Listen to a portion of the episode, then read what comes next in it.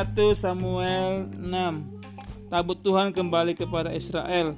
Setelah tabut Tuhan ada di daerah Palestina selama 7 bulan Berapa lama di Palestina tabut Israel? Tabut Tuhan 7 bulan.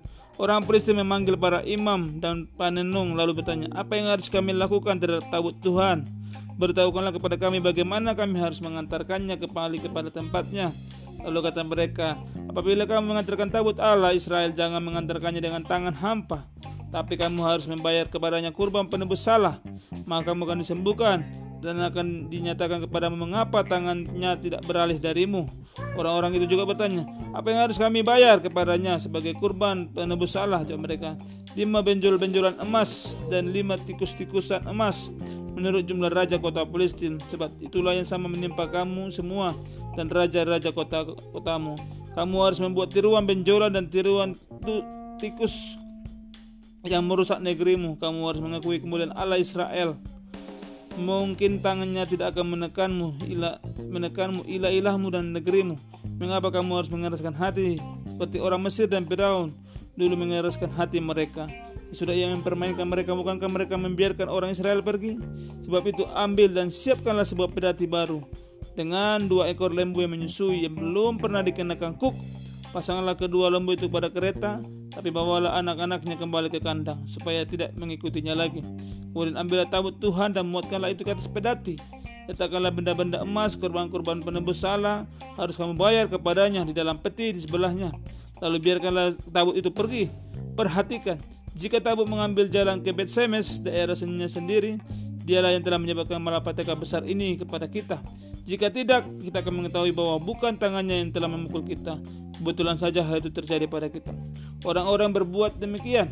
Mereka mengambil dua ekor lembu yang menyusui, memasangnya pada pedati, tapi anak-anaknya di kandangnya. Mereka meletakkan tabut Tuhan di atas pedati, juga peti berisi tikus-tikusan emas dan tiruan benjolan mereka. Kedua lembu itu berjalan lurus ke arah Betsemes melalui jalan raya sambil melenguh, tidak menyimpang ke kanan atau ke kiri. Sementara raja-raja kota Palestina berjalan di belakangnya sampai ke perbatasan Betsemes. Penduduk Betsemes sedang menuai gandum di lembah. Ketika mereka melayangkan mata, tampaklah kepada mereka tabut itu. Lalu mereka bersuka cita melihatnya. Pada itu sampai ke ladang Yosua, orang Betsemes dan berhenti di sana dekat batu besar. Mereka membelah kayu pedati itu dan mempersembahkan lembu-lembu itu sebagai kurban bakaran kepada Tuhan. Orang-orang Lewi menurunkan tabut Tuhan dan petir sebelahnya yang berisi benda-benda emas lalu menaruh di atas batu besar itu. Pada hari itu orang-orang Bensemes mempersembahkan kurban bakaran dan kurban sembelihan kepada Tuhan. Ketika kelima raja orang Palestina melihat hal itu, mereka pulang ke Ekron hari itu juga. Inilah benjolan emas yang dibayar orang Palestina kepada Tuhan sebagai kurban penebus salah satu untuk Asdod, satu untuk Gaza, satu untuk Askelon, satu untuk Gad, satu untuk Ekron. Tikus-tikus emas itu pun sesuai dengan jumlah semua kota Palestina milik kelima raja kota, kota-kota berbenteng maupun dusun-dusun sekitarnya. Batu besar yang di atasnya diletakkan tabut Tuhan masih ada di atas di atas masih ada di ladang Yosua orang Betsemes sampai hari ini.